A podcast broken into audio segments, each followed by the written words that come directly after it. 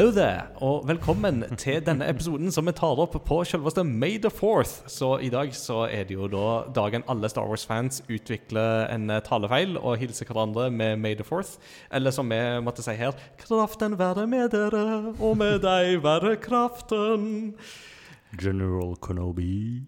You are a bold one. Nei, dette er ikke verken en Star Wars-podkast eller eh, en reinspikka teologipodkast, selv om vi kommer til å streife innom teologien denne gangen her. Men dette er Crossover Gaming, episode 87, med meg, Ingar Takanobu Hauge, og Peter Gjøkjell. Yes, og Senere i episoden så skal vi få besøk av Arve Solli, som er leder for Bible X, et veldig spennende spillprosjekt som de holder på med i Moss.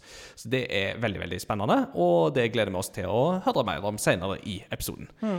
Petter, eh, du og meg vi har jo gjort noe i lag siden sist. eh, For det var jo en skikkelig stas. Men eh, kan ikke du fortelle? At det er jo Veien til at du fikk billetter til dette her var jo litt mer spennende, syns jeg, da. Ja. eh, vi har gjort noe i lag hver for oss, kan Ja. man jo på mange måter si, og kan utdype om det litt senere. Jo, nei, året var 2019. Jeg har hatt meg en, jeg fått, fikk meg en kjæreste den sommeren, og ante lite om hvor mye det skulle bety for livet mitt de neste åra. Hadde jo drøm om å gifte meg og alt sånt der. Eh, vi nærmer oss jul, og jeg fikk en julegave. Jeg stussa litt på den julegaven, for jeg fikk en lang pose, og det så ut som en vinflaske. Og det syns jeg var en interessant gave å få. Første julegaven, vinflaske. liksom, Hva var greia med det?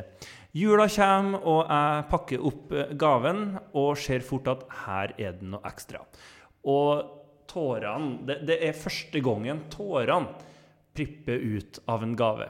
For det da min kjære Annika eh, kjøpte til meg tre måneder etter at vi til lag, det var da billetter til Hans Zimmer-konserten som skulle arrangeres i utgangspunktet et år og et par måneder etterpå, var det ikke det? Ja, jeg tror det var rundt Ja. april eller mai Mm. 2020. Ja.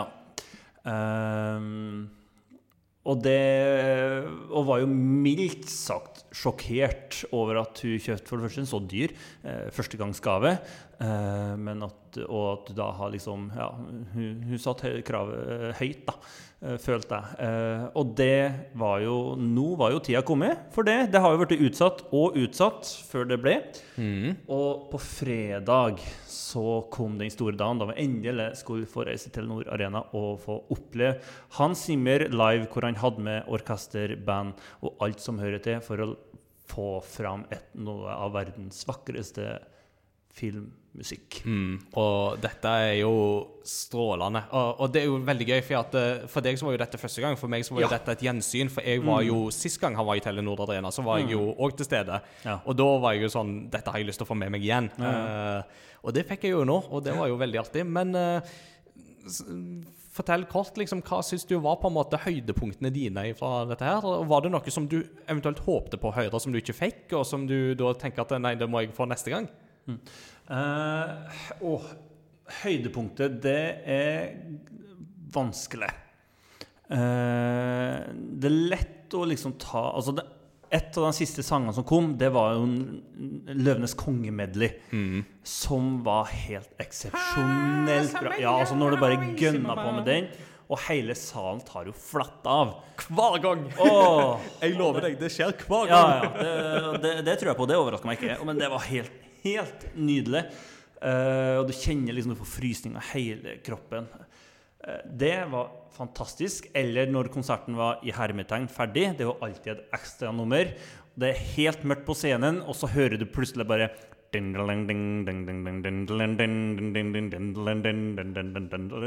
og det liksom Igjen tar det helt av, og liksom Du får de hvite prekkene som hører til i James Bond. Nydelig. Den, det som kanskje rørte mest ved meg, det var en sang på fløyte. Som jeg, husker du, Var det en sang, eller var det improvisert? Hvis det var fra del det, ut, det instrumentet som var noen tusen år gammelt. Ja, Hvis det var fra det første delen, så var jo det Det tror jeg var Det vevde de jo inn med gladiatoren. Ja. Så jeg er ganske sikker på at det var fra Gladiatoren, ja, det òg. for hele den, den Når han spilte på fløyte Altså, det, det, var så, det var så nydelig. Det, Mm. var helt, du, det var så mye Du kjente liksom følelsene som var i det stykket. Og gladiatormusikken er jo bare så fantastisk lille Kunne gjerne hatt et større kor Ja. der. ja. Nei, for det, for det var jo noe som var påfallende denne gangen. var det at Denne gangen så hadde han ikke med seg kor. Det hadde han jo Mm. sist gang. Ja. Eh, men det er jo Jeg altså, trodde det skulle være et større kor. Eller sånn, Mm. for det, er da, det var jo en del som sang, men eh, ja, sånn er nå det. Den sangen som jeg må jeg sjekke om det er blander med han Simmer, eller om jeg oh, hjelper, hva gjorde han nå? Eller om jeg blander med en annen eh, artist. Skal vi se Jo da, det var det jeg trodde. Eh, den sangen som jeg skulle ønske Og jeg, jeg vet ikke hvorfor den her har liksom festa seg så gærent til meg, men som jeg syns er så deilig, og det er Run Free fra Spirit. Den hestefilmen. Ja. Animasjonsfilmen, for det første. Episk bra hestefilm. Huh. Det er ikke en setning du hører veldig ofte. Nei. Eh, men den er for, for kanonbra, i tillegg til at Hans Zimmer har lagd musikken der. Og den sangen har en sånn helt sånn spesiell oppbygging. Hvor, og, ny setning som du ikke hører ofte fra en gamer. Altså, du får lyst til å sprenge.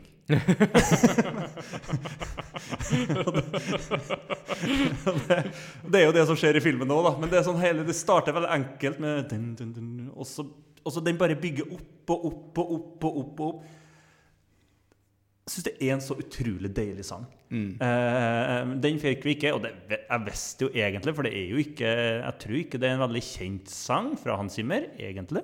Uh, og filmen er jo heller ikke av de største. Fleste har kanskje hørt om den. Ikke fullt så mange har sett den. Uh, dagens anbefaling, sjekk ut den. Bonusanbefaling. Nei, så det var men det, det var en rik opplevelse hvor eh, tårene kom flere ganger. Og Mm. du, du sitter hvor hele kroppen skjelver, liksom. Eh, hadde bare droppa alt folket, så hadde det vært helt perfekt. Ja da, Hadde det ikke vært for alle folkene, så hadde det vært helt Åh. greit å gå på konsert. Folk er så slitsomme og idiotisk noen gang. Ja. Det er jo tre kvarter etter konserten gå leit etter plassen din. Da, da, da, da kommer du bare ikke inn, tenker Nei. jeg. Da, går du hjem. Ja. Eller så venter du til pausen. Rikt. Ja, Det var det. Men rikt var det absolutt. Mm. Og jeg kjenner meg veldig igjen i det der som du sier, med at uh, tårene presser seg på. Og en, et stykke som jeg jo fikk denne gangen, som jo jeg ikke fikk sist gang, og som jeg egentlig hadde gitt litt opp å få, det var jo The Last Samurai. Ja. Men for, jo, meg, jo. ja, men for meg så har det soundtracket en veldig sånn sterk betydning, fordi Mm. The Last Samurai-soundtracket blander østlig og vestlig musikktradisjon på en helt sånn særegen måte, med altså veldig særprega japansk instrument og tonearter Mm. med vestlig symfoniorkester. Så det er liksom den blandinga mellom øst og vest. Og det er klart at for en for et japanmisjonærbarn som meg, som har liksom For å si det sånn, det, det er noe Jeg relaterer meg litt til det soundtracket på en helt spesiell måte. Og da jeg da fikk det, og igjen med han fløytisten Ja. Pedro, oh. Til Pedro! Ja, Pedro. Med oh, tidenes afro og, og vet du, og, kul! Ja, det var kul, altså. Men altså da, da, da, da, kom faktisk tårene. Mm. Det, det er ikke ofte det gjør det hos meg. Sist gang var da jeg spilte The Last of Us Part 2. Men uh, da, altså, var det ikke mulig å holde noe tilbake. Da var det det var en sånn katastisk øyeblikk. altså. Og så er det jo alltid gøy når Pirates of the Caribbean blir spilt. ah, det- og det eh, når, når eh, uh, kommer Ja, på scenen med el-celloen sin og bare begynner Det har så stage presence til 1000. Og Mm. Ja. det er derfor det tar så flatt av til slutt. Når Hun var helt, hun var helt insane. ja, ja, ja. Det uh, hadde jo mest sist gang og det var sånn at du Ja, ja. husker de der, altså, Mm. artistene der, for at de er så rå. Og det, og det var en ting som jeg hengte meg opp i øyeblikkelig. Mm. Eh, første jeg la merke til Det, sånn, det var jo Det første det var liksom trommisene. Mm. Fordi han hadde med seg intet mindre Det var to trommiser, og begge to var kvinnelige. Ja. Og etter hvert som du liksom konserten så oppdaget Altså, flestene på den scenen her var damer, og de eide den scenen så vanvittig. Mm. De, er, de, var, de er verdens beste på sine instrument, og de Mm. visste så godt. Og de bare elska å Ja. stå der. Og det å ha et sånn vanvittig girl power moment Mm. is, så, på den måten der Skamrått. At Kjempestilig. at, og bevis liksom for hele verden at det går faktisk an å lage et uh, stort orkester bestående av uh, flerparten dama. Mm. Eh. og det rocker sokkene av deg, liksom. Og det rocker så sykt. Og det Nei, utrolig mye bra på det området der. Og, og, en, og en annen ting som jo var veldig kult, som jeg ikke fikk eh, sist gang, men som jeg fikk nå, det var jo Dune. For det soundtracket er jo helt ja, nytt. ja. Og det var bare så rått øyeblikk altså, med denne koringa og tromminga der. Det var bare Det var så rått, altså. Syk stemme på henne! Ja.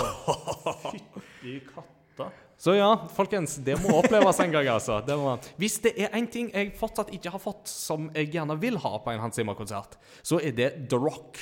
Um, og det er litt sånn gøy, for det, det er jo ikke primært et Hans Zimmer-soundtrack. det er jo Nick Glennie Smith. Men Nick Glennie Smith er med på disse konsertene til Hans Zimmer. Uh, Ja. Han var annet uh, en, en av de som satt litt på uh, noen tangenter, uh, særlig under del to. Og forrige konserten så var han liksom med trenchcoat og trekkspill og papegøye på skulder, uh, som jo Nydelig. under Pirates of the Caribbean særlig, så var jo den papegøyen der. Men da var, var det han som satt med trekkspill den gangen her òg? For det var en som gjorde det Ja, på ja, Paris? ja. Mm. Så det var han. Uh, så da la jeg merke til Å, Nick er med denne gangen òg. Ja. så hvis jeg får noe fra The Rock Ja. neste gang jeg er på Hans Zimmer-konsert, da, da tror jeg jeg har liksom Da har du pika. Ja, da tror jeg jeg har på en måte dekka hele Ja. spekteret. Så det, ja, jeg tror det er det gøyeste vi har opplevd de siste par ukene som ikke er gaming-relatert. Det skal litt til for å, for å uppe den, ja. Ikke sant? Ja. Så la oss gå i gang med spillsnakket.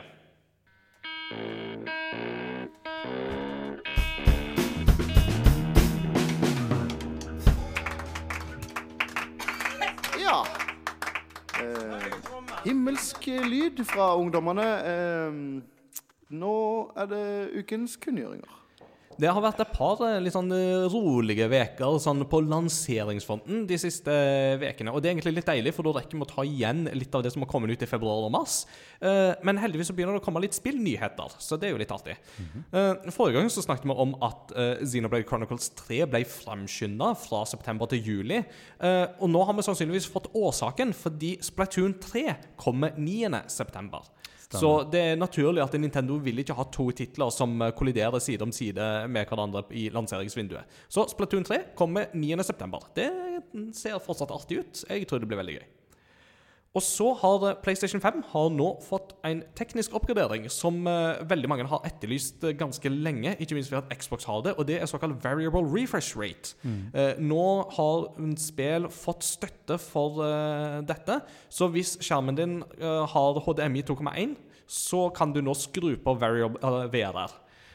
Og kort fortalt så handler jo det om at skjermen din Hva skal du si det er, jo, det, det det som alltid er vanskelig å forklare teknisk, men om, kort fortalt så handler jo det om at det, det er et botemiddel mot screen tearing, på samme måte som at du har hatt eh, G-sync for eksempel, tidligere på PC. For eksempel. så eh, hjelper denne her deg når bildefrekvensen ikke er helt stabil, med å på en måte stabilisere bildeytelsen likevel.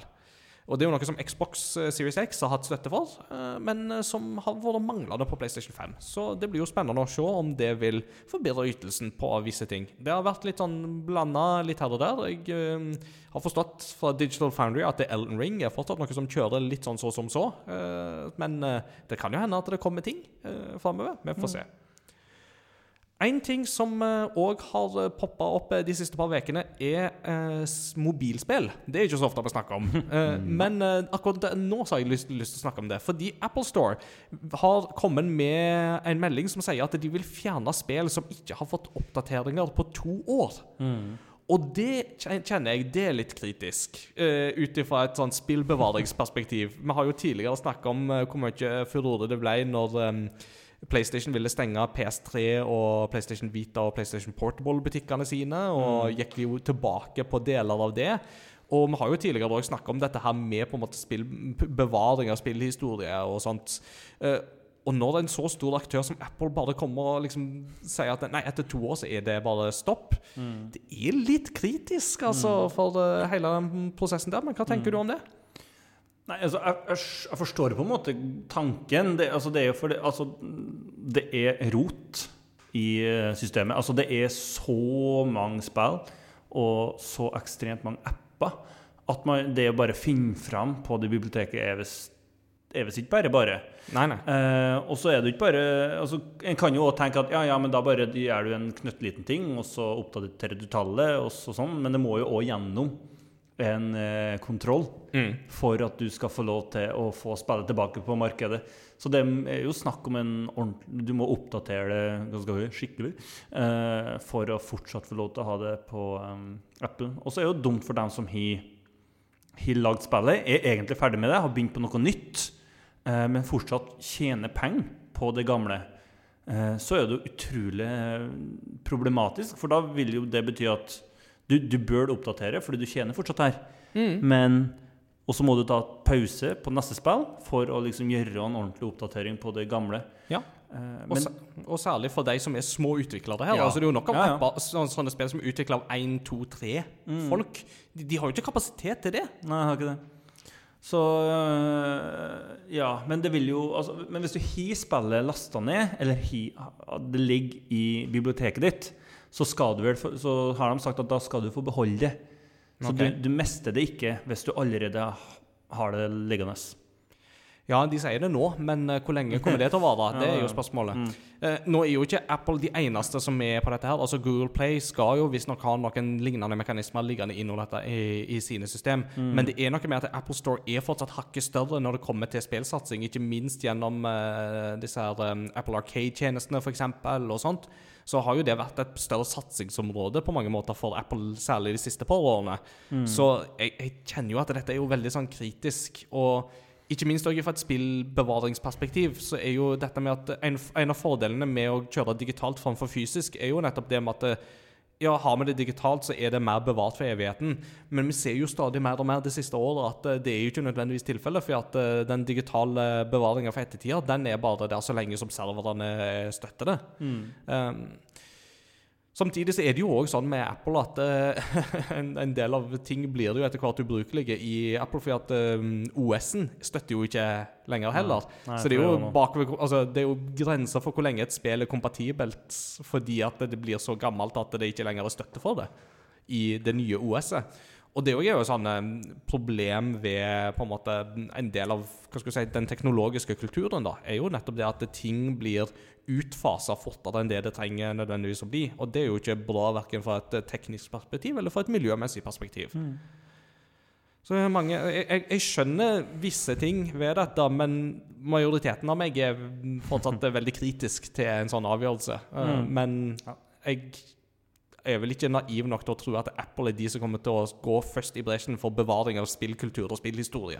Så sånn er nå det. Eh, vi må snakke om noe litt mer positivt, og det er jo eh, til sommeren så blir det jo dessverre ikke E3-messe. Eh, men vi skal få en Xbox og Bethesda sommerpresentasjon, og den skal være 12. juni. Og det er jo litt artig, da. Altså Xbox og Bethesda i en og samme. Eh, vi må huske at eh, Bethesda, på, når de har hatt egne E3-pressekonferanser, så har jo de stort sett vært ganske skrale. Men eh, når de nå skal få presentere sammen med Xbox, så har jeg mye større tro på at det blir eh, spennende. Og bare for å tenke på et par ting som de kan hende at de viser mer av. Hellblade 2. Ja. De kan vise mer av Starfield. Mm. De kan vise mer av eh, de ulike Arcane-spillene som de holder på med, sånn som Redfall f.eks. Mm, Uh, så det er mange spennende ting her. Er det noe du håper på eventuelt å, å se? Mye håper på. Ja. Elder Scroll 6. Uh, Oh. Ja. Det er spennende. Det, det lever. Det er det vi vet om det. Mye jeg håper på for å skjule at jeg ikke helt vet hva, så sier ikke noe mer om det. Nei. Men Da går vi videre til neste sak, for det er iallfall en serie som jeg vet at du har litt for, forhold til, nemlig Tomb Raider. Ja, For det har du jo spilt litt. ja litt. Rønne. Ja.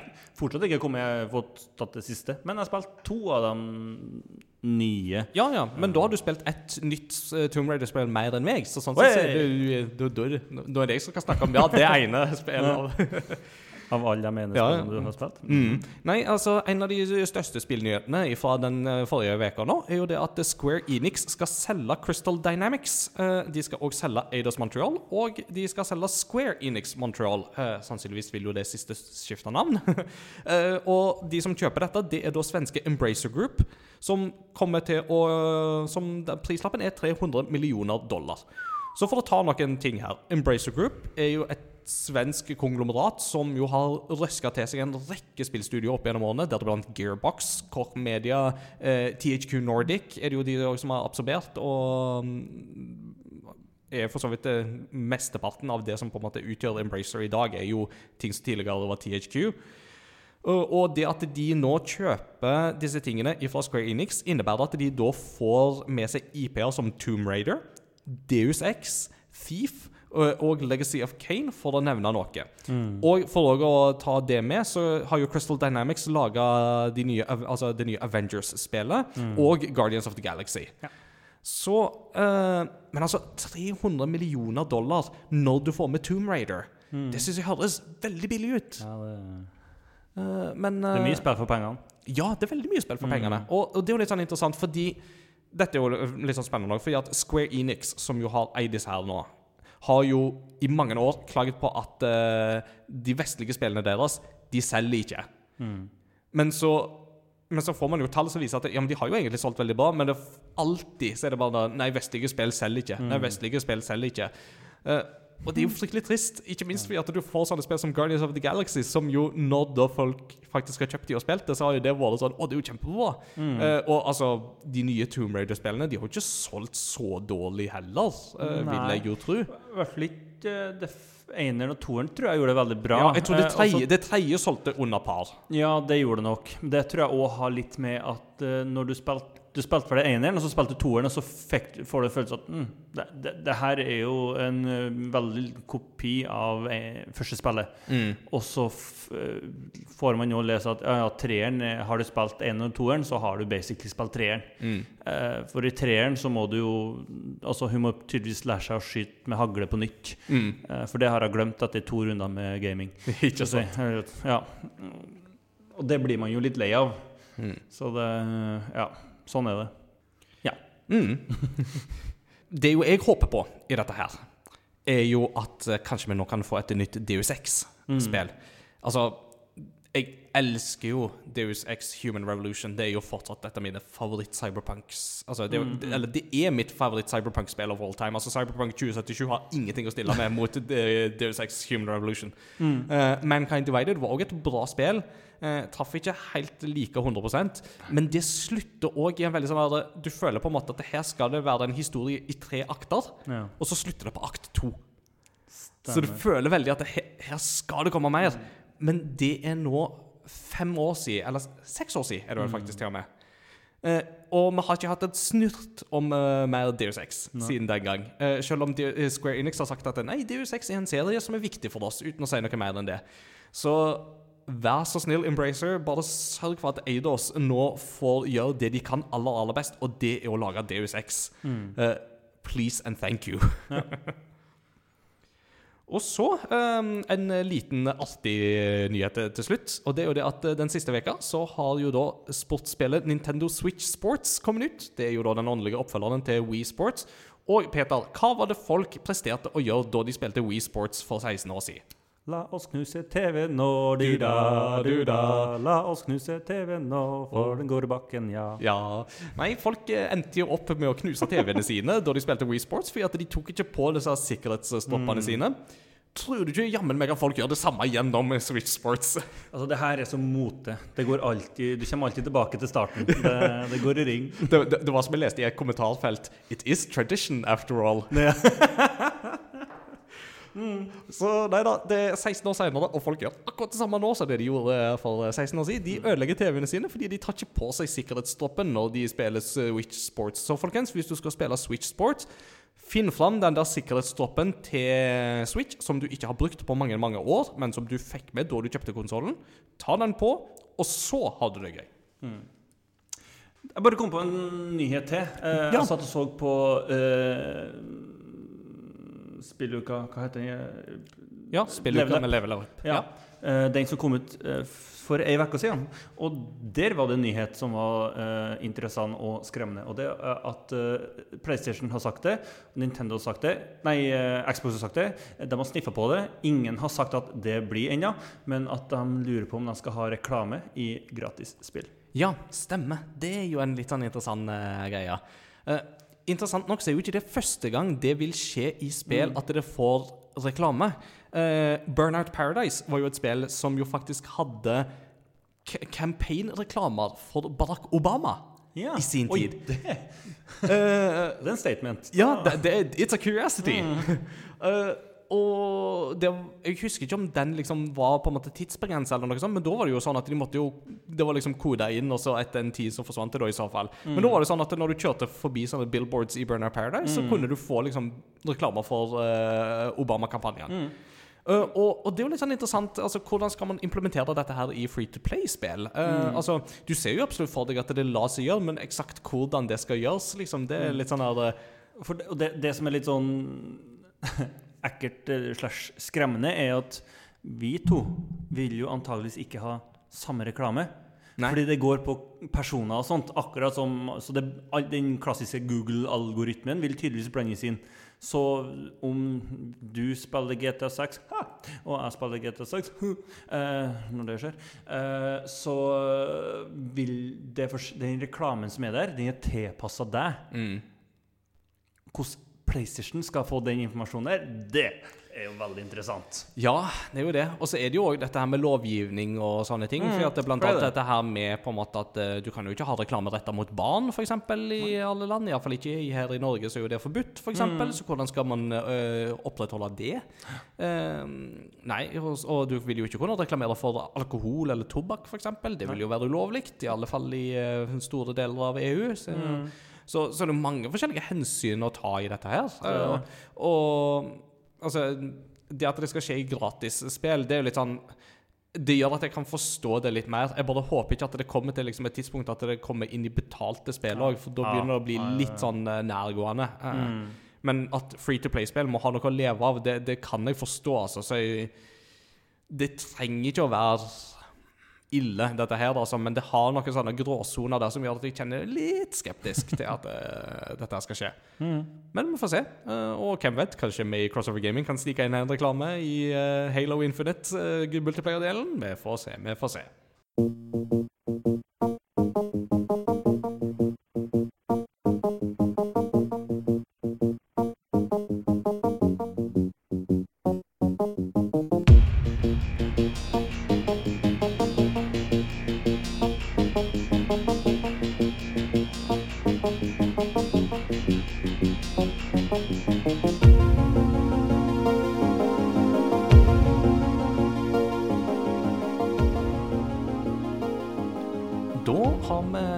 Heldige at vi har fått besøk eh, i studio denne gangen her. Eh, nå slipper jeg og Peter å være alene. Det er jo alltid litt kjekt når vi kan få med oss litt flere. Vi har vært så heldige at eh, Esekiel i vår Discord-server han har satt oss i kontakt med sjefen for BibleX, som er et spill som vi skal snakke om i dag. Så med det så vil vi ønske hjertelig velkommen til Arve Solli. Mange takk. mange takk. Velkommen til oss. Takk. Eh, nå- Kult å være her. Takk til Sekil herfra òg, Ja. som har eh, reklamert. Veldig gøy. Absolutt. Uh, vi må jo bare kjapt uh, Normalt så pleier vi å spørre gjester hvem de er og sånt i Ja. begynnelsen av episoden, men nå har det jo gått en times tid. Så, Ikke men sant. du kom jo nå i denne delen av episoden, så vi må nesten ta den introduksjonen. Hvem er Arve, og hva, hva jobber du med? Jeg heter Arve Solli. Jeg jobber med noe som heter Biblex, som er en spillsatsing. Hvor vi ønsker å formidle Bibelen via spill. Enkelt og greit. Eh, Det er litt mer komplisert enn det, men eh, det er eh, hovedoverskriften.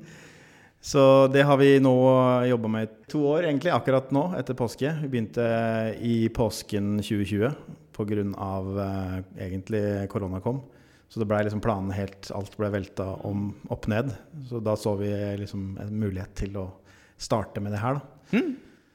Så da var vi et lite team på tre personer som satte i gang med research eh, på alle mulige fronter og nivåer. Vi ønska å lage noe om tempelet i Jerusalem med utgangspunkt i det. Og da begynte vi å forske på tempelet i Jerusalem, egentlig. Og nerde tempelet i Jerusalem. Eh, dag og natt. Eh, Noe så eh, interessant, syns jeg, da, den gangen, var ekstremt spennende.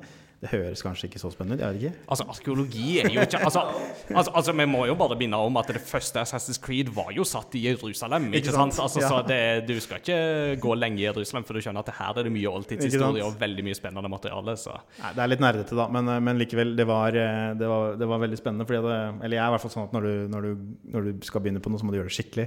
Mm. Og da klarer jeg ikke liksom å gjøre det halvveis. Og sånn er de andre i teamet òg. Så da, da ble det full forskning på det dag og natt.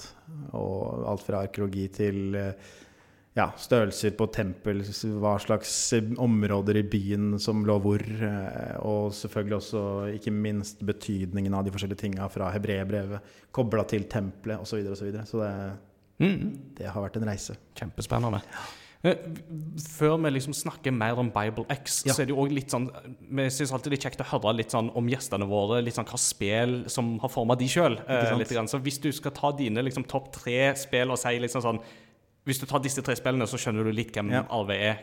Hva spill blir det? Du, det er uh, Keen uh, fra barndommen. Ja, altså Commander Keen? Yes. Oh, Eh, og så er det Age of Empires. ja. Og så er det 3D Studio Max, som ikke er et spill. Mhm. Men eh, det, når jeg var sånn 13-14 år, så var mens venn, mange av vennene mine spilte, så eh, spilte jeg 3D Studio Max. Altså begynte å lage 3D-modeller. Mm. Det er jo altså et program som brukes til å lage spill. Vi bruker det faktisk Eller ja, vi har ikke brukt det så mye på Biblex, eh, men det har, vi har vært innom der òg. Ja. Eh, og så er det selvfølgelig det jeg, som jeg har spilt mest i det siste, er jo Biblex. Altså Mm. eh, utallige timer med playtesting og stanging av huet i veggen, bugs finding osv. Så, videre, og så, videre. så det er kort oppsummert. da En kjempegod oppsummering. Og så kan, Kanskje noen vil si at vi har spilt litt Assassin's Creed, hvis du ser på spillet. ja.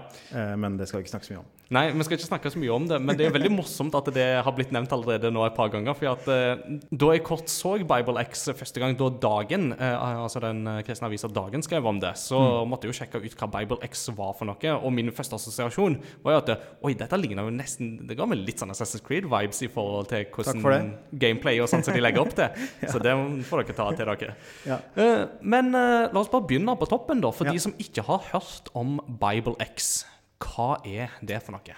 Eh, når vi jobber, så har vi en sånn ledestjerne som vi jobber etter. Eh, for å klare, forklare hva Biblex er, så ønsker vi å bruke moderne realtime-teknologi, altså gaming-teknologi, eh, eh, som skal forklare evangeliet om, som Jesus kom med, opplyse og engasjere spillerne, sånn at de kan få i gang en grundig samtale, diskusjon og dialog, og egentlig utforske eh, og Bibelen selv. Eh, gå tilbake og reflektere rundt historiene om Jesus. Hva var det han sa der? I hvilken sammenheng? Hvor var det han sa det? Eh, hvilken tid var det han sa det? For det er mange sånne ting som du, Når du leser i tekst, så er det vanskelig å kanskje forstå konteksten. Men vi ønsker å vise, eh, sette det i visuell kontekst og på en måte plassere det. da. Sånn at eh, folk kan få sine egne bilder på det som står i Bibelen. Så det er eh, kort fortalt hva vi ønsker å være. Mhm. I dag så er vi, vi er et team på ti personer akkurat nå. Vi var 30 rundt jul med frilansere fra rundt om i hele verden. Fordi da var vi i innspurten av closed beta. Ja. Så det har vi nettopp gjennomført. ja. Det er liksom der vi er kommet i produksjonen. Ja. Har ikke lov å si noe om tall og sånt på det? Og... Ja, jeg, jeg har lov å si Du, det. du er sjefen, så det er vel du som Eh, nei, eh, det er, vi har eh, hatt med oss ca. 5000 eh, ungdommer fra forskjellige ungdomsgrupper. Som har spilt gjennom tre kapitler. Mhm. Eh, og i en periode fra januar til mars nå i år. Og det var liksom eh, et stort prosjekt for å eh, rett og slett teste eh, spillet. Eh, og for å få tilbakemelding, ikke minst på vår lille sånn eh, couch co-op. Eller den er ikke så rent liten, for det, akkurat nå så er det det spillet er. Mm. Eh, eh, så vi, vi hadde jo liksom egentlig Vi samarbeida jo da med en ungdomsklubb. Og målet vårt fra dem sin side var jo Kan dere lage et spill som vi kan spille hele ungdomsklubben? Ikke bare gamerne. Ja. Og da tenkte vi det er umulig. Men så jobba vi litt midlertidig med det, stanga høy i veggen. Eh, ok, Hvordan kan vi liksom inkludere folk? Kan vi bruke telefon? Eh, altså Det er jo ikke helt ukjent, men likevel så er det liksom i det omfanget vi ville, da, så, så tror jeg ikke det er gjort så mye før. Så vi, eh, vi på en måte For et år siden nå, pinsen i fjor, så hadde vi vår første lille slice, eller MVP, eller hva man skal kalle det, hvor vi testa ut det her. Da Da hadde vi på en måte ett minigame på telefonen. Hvor du skulle flytte sånn Har du spilt uh, Unblock Me? Altså du skal aldri, ja. eh, fjerne sånne blocks, og så skal du få ut en blokk av den kuben. Og det, det spillet skulle du løse på telefonen for å kunne handle noe i en sånn butikk i Jerusalem. Eh, det var liksom en første test. Eh, det, det, var, det var kult, det funka, men så skjønte vi at vi må få til mer realtime. Eh, altså det må skje samtidig. Og da s- eh, vår lead programmer, han, uh, det var han som var liksom veldig gira på det her. da. Spesielt fordi mm, han mente vi må utforske mer hvordan vi kan få det her til. Så da, da begynte vi å jobbe skikkelig med det og kom opp med noen tekniske løsninger som faktisk eh, viste seg å fungere svært bra. Eh, hvor du da faktisk har fullstendig realtime-kommunikasjon mellom telefon og PC-en. Mm. Altså, det, er ikke akkurat, det høres kanskje ikke så veldig rakettforskning ut akkurat her, men når du ganger det opp med telefoner, fem telefoner som skal connecte til et spill, og det skal være liksom poenggivning eh, fair, det skal være Ja, det er mange faktorer, da, som Ja, altså, altså, Jeg kan slite med å få min Switch til å snakke med fire joycon samtidig. Og det er liksom lagt opp for det, så jeg skjønner jo det at det, så, så, Jo da, jeg ser det at den den er vrien, den, Ja. altså. Ja, så da, men da jobba vi en god del med det, og fikk det til å spille ganske bra. Og har da utvikla en del sånne minigames på telefonen som snakker med, med Open World-spillet i Jerusalem. Og det var liksom en av hovedtinga vi ønska å teste da, med den gruppa. Eh, hvordan fungerer det her eh, i praksis? Én ting er det tekniske. Jeg var livredd når vi lanserte. Jeg hadde puls i 300 eller et eller annet sånt. Eh, og nå, eh, men, men kanskje det som var størst eh, liksom, eh, Hvordan vil det fungere med det konseptuelle? Altså det å samles rundt en PC, og så liksom Noen er gamere, noen er ikke gamere. Vil de på en måte, de som er vant til å spille hver eneste dag, vil de synes det er kjedelig å ha med seg noen som egentlig ikke spiller? Men eh, det som var litt gøy, var at eh, resultatet på undersøkelsen vi gjorde underveis i beta-perioden, var at de viste at eh, det var veldig Folk likte å samles for å spille. Og ha liksom en sosial Kan jo ha noe med å gjøre at folk har vært veldig mye aleine i de to siste åra av forskjellige årsaker. Mm. Jeg vet ikke. Men, men folk likte det, og det fungerte veldig bra. Så mm, vi tenkte sånn Skal vi kaste det og gå full singleplayer? Eller skal vi ta det med videre og lage liksom et opplegg for ungdomsklubber som de kan bruke i undervisningen? Eh, Så konklusjonen er ja takk, begge deler. Mm.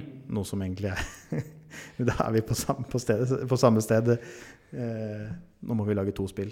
Ja, basically. Så mer arbeid på dere. Ikke sant? Ikke sant? Eh, Så hvordan går dere fram rent sånn teknisk i, Ja. i dette arbeidet her? Uh, Dere begynte jo i 2020, forsto jeg. Ja. Mhm. Eh, Så dette er jo et toårig arbeid som nå ligger bak dere. Men eh, også har dere måttet um, Altså, pandemien har jo naturlig nok um, fått flere spillstudioer til å måtte tenke kreativt om hvordan Mhm. de jobber. Så har dere jobba på flere lokasjoner. Har dere folk som er i andre land til vanlig? og Litt sånn teknisk òg. Altså, hva, hva verktøy bruker dere Mm. i dette arbeidet? For det er jo, altså, når vi ser teaserne, så ser det jo absolutt ut som at dere bruker gode verktøy og håndterer de på en god måte. Så Mm. eh, litt sånn teknisk eh, hva, Hvordan og eh, hva bruker dere? Vi bruker enkelt og greit Unreal Engine. Mhm. Eh, Vi har akkurat nå gått over til Unreal Engine 5. Oi, det er jo spennende! Det skjedde i slutten av forrige uke. Ja, for det var jo da det, eller det gikk jo live for bare et par uker siden. Ja, Så, vi har, eh, vi har sikla på å komme i gang med Unreal 5 i et halvt år. mm. For det har jo vært i Early Access og litt forskjellig. Men vi har ikke gambla på å gjøre det før betaen. Så det vi bestemte oss for ok, det skal vi gjøre det første vi skal gjøre når vi er ferdig med betaen. Så det har vi brukt eh, to-tre uker på nå. Å få det over og få ting til å spille. Det er ganske mange ting som skal ja, konverteres om plugins som skal funke osv. Så, videre. så vi bruker Unreal Engine eh, nå, Unreal Engine 5. Eh, og så bruker vi egentlig det som de fleste andre bruker. Eh, Maya, eh, Blender, eh, Substance Painter eh, Ja, you name it. Vi bruker motion capture. Vi har et motion capture studio med to eh, sett. Oi. Eh, både drakter og ansikt og, og, hansik, eh, og hansker. Eh, er dere interessert i den type detaljer også? Å ja. Oh, ja. Våre, våre lyttere de er nerder i alle sfærer, og det gjør vi òg. Da kan jeg fortelle mer om det. Og det heter Xsense. Eh, det er eh, draktene. Eh, det er et nederlandsk firma som lager sånne drakter som har sensorer. Mm. Så um, det er litt rimeligere, men eh, likevel veldig bra kvalitet. Eh, og det gir oss et vanvittig bra grunnlag for å animere videre. Og så bruker vi noe som heter faceware for ansiktet. Som da rett og slett er et kamera som står foran ansiktet. tar opp egentlig bare en video av ansiktet. Eh, men det, står, det er montert på hodet, så du har en hjelm, og så har du et et kamera som er montert på hjelmen. Og så eh, står på en måte det kameraet helt fast montert da, på ansiktet. Og da får du en, eh, et helt cleant opptak av ansiktet som vi tracker. Og som da gjør at vi kan ta opp eh, dialoger, eh, eh, lines for MPCs osv. osv. Det er litt sånn som uh, klassiske når du ser ifra, de tar opp dragen fra Hobbiten. Er ikke det Exactly. med Coverbatch, eller hvordan Ja. nå sier det etternavnet hans? Uh, ja, for det er akkurat samme, ikke det? Akkurat samme, bare at Mm. de gjør det kanskje litt mer eh, avansert, da. Men, Litt, eh, litt, litt mer. men eh, vi er, ja, men det, er, det, er helt, det er det samme, uh, basically. Med Bible X så er det jo veldig tydelig at eh, Eller det virker i alle fall som at eh, den, den tydelige målsettinga her er jo ikke sant å bringe fram det nytestamentlige budskapet mm. gjennom spill på en interaktiv måte. Eh, og det, bare det i seg sjøl gjør jo fort at man fort kan risikere å bli satt veldig i en nisje, og det er jo den nisjen som heter bibelspill. Ikke sant? Eh, og den um, Altså Selv vi som en kristen podkast må jo si at uh, den nisjen har jo ikke alltid levert så veldig godt med varer. Altså Left Behind-spelet er jo et av de kjente eksemplene som ikke gikk så bra. og uh, Noas ark-spillet på eh, Super Nintendo det var jo en litt sånn interessant sak. og da de for noen år siden annonserte I am Jesus Christ, så sliter jeg fortsatt med å forstå om jeg skal ta dette prosjektet Har du prøvd det? Nei, jeg har ikke prøvd det. Jeg har bare sett eh, trailere ganske nylig. Og fortsatt sliter jeg litt med å vite om jeg skal ta dette helt 100 seriøst eller ikke. Men helt ærlig, hva tenkte du når du så Biblex første gang? Men da jeg så Bible X da, Nå må du være ærlig. Ja, men eh, nå er jeg helt ærlig. Men det første jeg tenkte da, var at eh, Oi, dette var vesentlig bedre enn jeg hadde forventa. for da går jeg litt inn med den der uh, gamerbrilla som sier at uh, dette her risikerer fort å bli et sånn nisje, smalt spill som ikke er i takt med gaming Gamingens industri... Eller eh, Industristandarder? Industristandard, takk. Koronatåken er fortsatt litt Ikke i hodet. men, eh, men jeg tenkte ikke det da jeg så Thailand. Altså, da var jeg, jeg ble oppriktig nysgjerrig på det som de lagde her. Så det var liksom min tanke i dette. Ja, Peter. For jeg, jeg fikk jo spørsmål fra Jeg ble oppringt av dagen. mm. Så jeg er gaminglærer, så ville han gjerne vite hva jeg eh, tenkte om det spillet. Og da var det sånn Du, eh, kan, kan jeg få sjekke traileren først? Så skal jeg komme, eh, prøve å komme med et svar. Det, Så det var du som var i den artikkelen? ja, hei. Takk for sist. Hei! Da har vi, vært, da har vi egentlig snakka sammen før, da. Eh, og det som da Og det, det er litt sånn som Ingar sa. Altså det første jeg tenkte, var det her ser jo faktisk vakkert ut. Uh, det er ganske Altså det eneste bibelspillet jeg har spilt som jeg likte, det var, det var Jeg var liten, jeg trodde det het Den store bibelreisen, et eller den julen der. Eh, så det var liksom på tide å få et nytt bibelspill. Men jeg tenkte det her ser vakkert ut. Og så det jeg var spent på, det var jo det teologiske. Fordi eh, da, jeg visste ikke helt hvem som sto bak. Jeg visste, jeg hadde ikke fått jeg hadde, Det var veldig begrensa, den undersøkelsen jeg rekker å gjøre i løpet av en telefonsamtale. Eh, Journalister kan være litt tøffe noen ganger. det, ja, det er liksom det.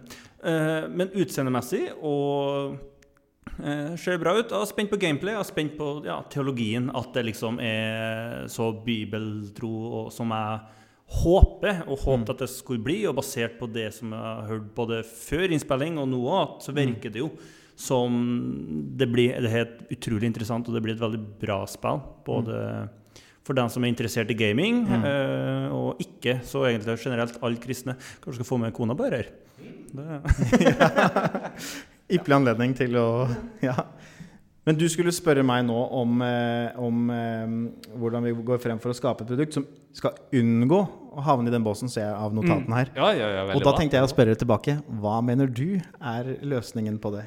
Åh, det er jo det som er så eh, farlig, vet du. Har den spillanmelder, så det, blir man jo veldig fort sittende og liksom dekonstruere tingene. Ja, hvordan vil du gjøre det bedre, da? Jeg vet ikke, jeg er ikke spilldesigner.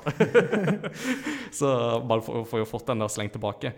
Men, men bare allerede det som vi har snakka om her, med at det at dere bruker så up-to-date industrielle verktøy som dere gjør, altså bare det at du nevner her nå at dere har gått over til Unreal 5, er jo i seg sjøl bare et veldig godt tegn, for at det viser jo at det er en kontakt med den tekniske sida av spillindustrien, og at dere da bare, bare med det ønsker å lage noe som ikke er et subpar produkt, men som faktisk da kan på en måte matche det man ellers finner på markedet. Altså, markedet trenger jo ikke å være bare Triple A-produkter. Altså, det er jo flust av indie-produkter som lager nydelige produkter uten å være på liksom, den der ekstreme Triple A og pushe de grafiske grensene. Men det er likevel noe med at man må samtidig skape noe som har et visst eh, kvalitetsstempel over seg. Så bare det i seg sjøl tenker jeg jo er et eh, veldig godt utgangspunkt. Men òg som Peter jo sier, ikke sant, at eh, for et bibelspill så blir det jo en dobbel opp et dobbelt opp risikomoment. For at med en gang man begynner å skal lage noe knytta til et religiøst verk, så må man begynne å bearbeide hvordan oppleves dette i, fra innsiden. Og det gjelder jo uavhengig av om man skal lage et bibelspill, eller om man skal lage eh, et spill med utgangspunkt i hinduistiske vedtatt, eh, altså de tekstene der. Jeg spilte jo et spill med utgangspunkt i indisk mytologi eh, i fjor, var det vel, tror jeg. Eh, og det var sånn her, det, det var jo veldig spennende, for det var sånn, her fikk du mer sånn innsiden av opplevelse. Eh, så det å liksom balansere de tingene der er jo òg kjempeviktig, og det er jo ofte der disse spillene har svikta før, fordi man oppdager veldig fort at de kommer fra et veldig smalt amerikansk marked med en ganske ja, om jeg tør å si det, litt smal teologi. Mm. så det er iallfall my two cents inni dette her. Nei, vi, vi tar det, der, det du sier der, svært seriøst. Og jeg er glad for at du sier det med kvalitet også. fordi at det, det har også vært en ting som vi har hatt som en sånn eh, ledestjerne fra starten. At hvis vi skal gjøre det her, så må vi gjøre det skikkelig. Eh, fordi hvis ikke så kan vi bare glemme det. Eh, og da tror vi at vi må over en sånn terskel. Altså, du trenger ikke å være triple A og pushe eh, grafikkteknologien fram. Altså, det, er, det, er, det er ikke vi som skal gjøre det, på en måte. Eh, av naturlige årsaker, holdt på å si. Altså, det koster eh, masse penger å lage triple A-spill. Så det er noen andre som kan gjøre. Men, men eh, vi mener likevel at du må over en viss terskel på kvalitetsnivå. Både grafisk eh, og story og animasjon og, og egentlig hele veien. Så må du over en viss terskel for at du skal catche oppmerksomhet fra folk. Ehm, så svaret mitt er egentlig det du sa. Ja. Eh, at det er det vi jobber mot. Men det er selvfølgelig en daglig battle å pushe, pushe vår egen kvalitet over den terskelen. Ja, det er klart det. Men, eh, men det er jo det vi på en måte vi, vi, har, vi har hatt beta for de eh, 5000, close beta, og så har vi i tillegg også vist det for en del amerikanere. Eh, på en, vi, vi var i USA og eh, snakka med en del forskjellige ungdomsklubber der også, face to face, og viste spillet. Noen hadde testa det og gjorde intervjuer, eh, research-intervjuer, for å liksom kartlegge hva er det folk eh, får inntrykk av når de ser spillet, osv. osv. Mm. Eh, Og da er det jo akkurat det samme som du sier, at uh, man er vant til at kristent innhold uh, har lave budsjetter og på en måte er litt smalt, litt snevert. Så, men det er, altså, det er jo et helt reelt, en helt reell utfordring. Uh, også det med teologi. Eh, så vi, vi tar det blodseriøst, uten Mm. tvil. Begge Eh, deler. Da dere var i USA og testa det, var det da um, Var det en ett konfesjonelt ståsted, eller var en på en måte innom fra- Mange forskjellige. Mange forskjellige. Ja, Ja. og bare det i seg sjøl er jo et veldig positivt, positivt tegn, Ja, ja. tenker jeg, da. Ja. Det at hvis man legger seg på en økumenisk linje, eller i alle fall på en linje der man jobber mer inn imot på en måte det en har til felles, Ikke framfor det som skiller ulike kirkesamfunn. Så er jo bare det i seg sjøl er jo et veldig godt utgangspunkt. Vi leser den samme boka. Vi gjør jo det, Så, tross alt. nei, så vi Ja. Eh, dere skulle spilt det, så kunne dere sett hva det, hvordan det var. Ja, men altså, det er jeg eh, da. eh, jeg, jeg er ikke fremmed for å teste dette her når det blir mulig. Det, altså. det er jo et prosjekt som en følger med på. og Bare, bare ut ifra norsk skala òg, så er jo dette kjempespennende. For at norsk spillindustri er jo relativt liten, den òg. Så det å se på et så stort prosjekt vokse fram fra Norge, er jo kjempespennende. Sånn avslutningsvis, eller innimot inn imot avslutning, så tenker jeg litt sånn på Nå har dere hatt en closed beta, og dere har jobba med dette her i en toårs tid, og nå er det jo klart at konverteringa til Unreal jo, eller Unreal 5 vil jo sikkert ta ta litt tid. Igjen, jeg er ikke utvikler, så jeg vet ikke hvor lang tid det vil ta. Hvor godt Unreal 5 snakker med Unreal 4. tid. Ja, det tar tid, det skjønner jeg.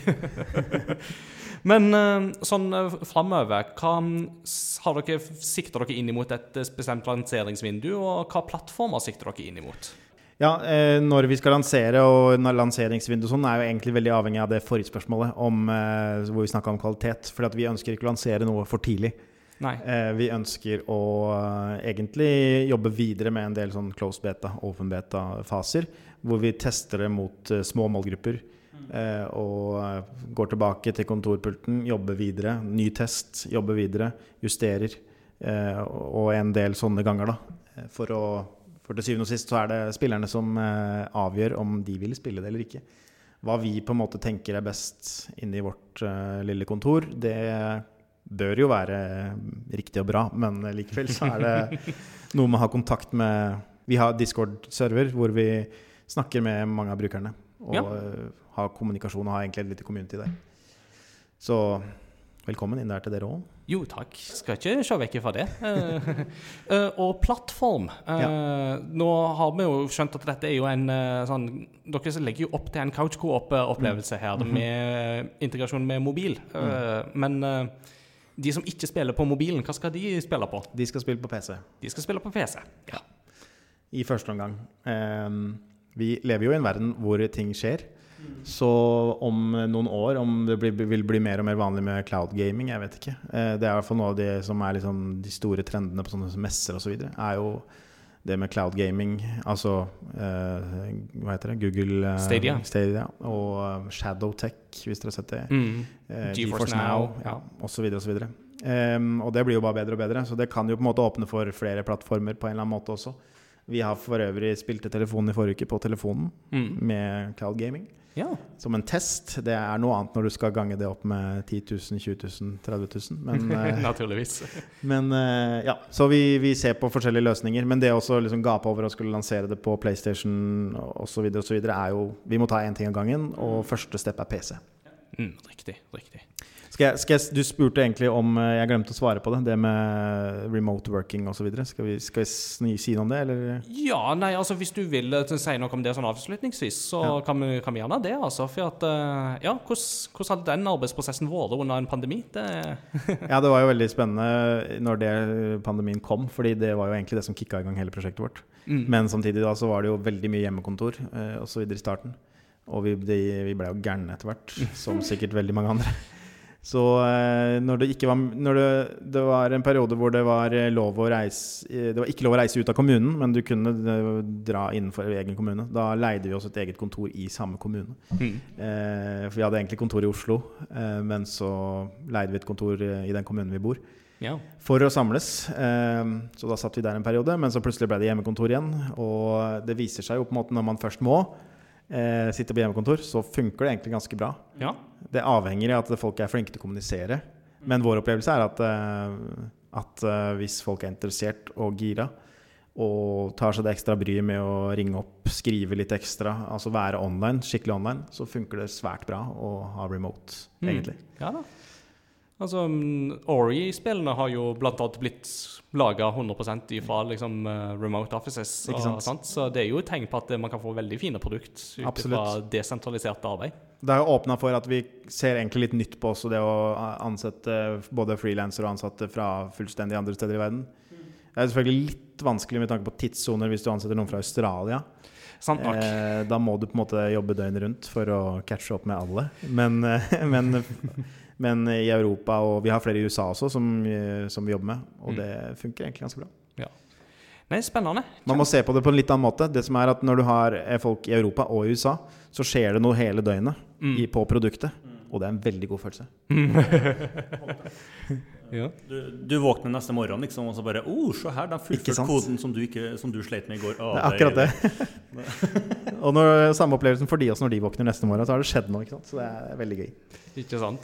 Ofte lettere den veien der, etter det jeg har skjønt. Det, det finnes jo noen av disse skrekkhistoriene om de som har sånn samarbeid mellom Europa og Japan, eh, men at det fort kan skjære seg litt, for at da, eh, eller Japan og USA, for at da er det ofte Eh, ikke bare det at det er liksom feil tid på døgnet, men det er ofte kanskje neste døgn eh, før man liksom får svar, fordi Ja. at eh, med, da kommer datolinjer litt inn i bildet. Og Ja.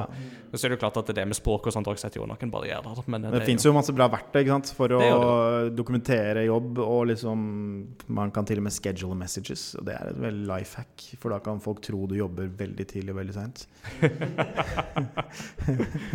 Kjempebra.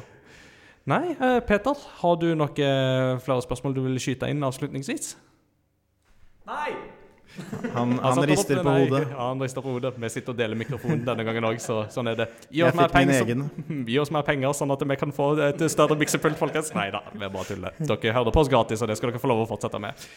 Arve, tusen hjertelig takk for at du tok deg tid til å komme innom og snakke om eh, dette spillet. Det synes vi var kjempespennende. Eh, og så må dere ha lykke til videre med det prosjektet, og så følger vi det med argusøyne. Og så skal du ikke se vekk ifra at Peter her kommer til å invitere deg til høsten på et eller annet fra på gaminglinja si. Veldig kult. Ja, jeg bestemmer over arbeidstida di nå, Peter. Det er sånn det er blitt.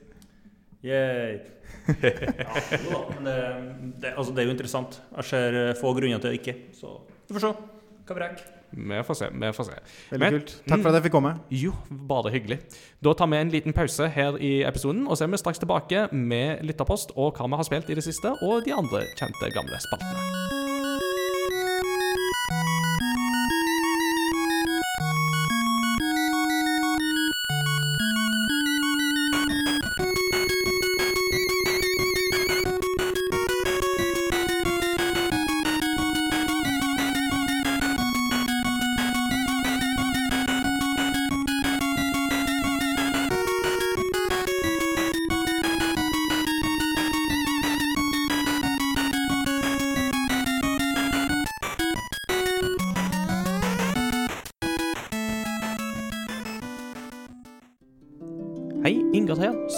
Har lyst til å gi en kort beskjed om hvor dere kan finne BibleX på sosiale medier.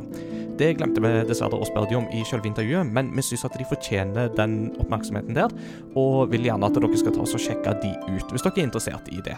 Så eh, følg gjerne BibleX på sosiale medier. Dere kan f.eks. søke opp BibleX Game på Instagram. Det var altså BibleX Game.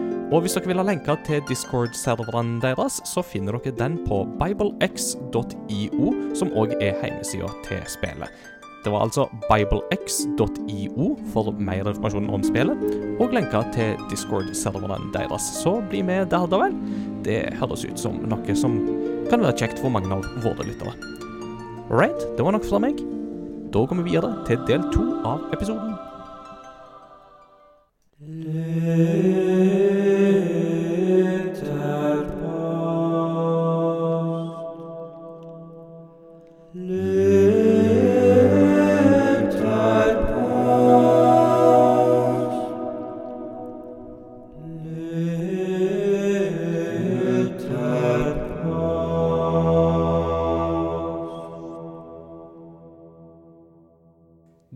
tilbake etter pausen. Da har vi hatt en lang og god samtale med Arve. Det var veldig trivelig, og vi må bare si tusen takk. Det var kjempespennende. Så her blir det å følge med på det prosjektet videre.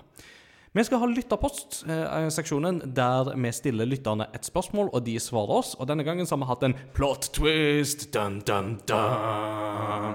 Det var det jo Martin som introduserte i sin tid, og jeg tenkte at det var på tide å reintrodusere den plot-twisten. Og plot-twisten er enkelt og greit at denne gangen kan lytterne stille oss et spørsmål.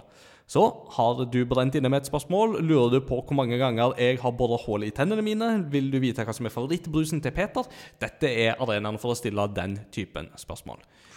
Eh, vi hadde litt kort eh, tidsfrist denne gangen, fordi at vi måtte ta opp episoden litt tidligere. Så, men vi skal ta de spørsmålene som vi har fått. Um, da kan jo jeg ta og lese spørsmålet fra Godspark, Jon Vegard, som spør Hvilke spill de siste fem årene synes dere har vært de mest grensesprengende i bransjen?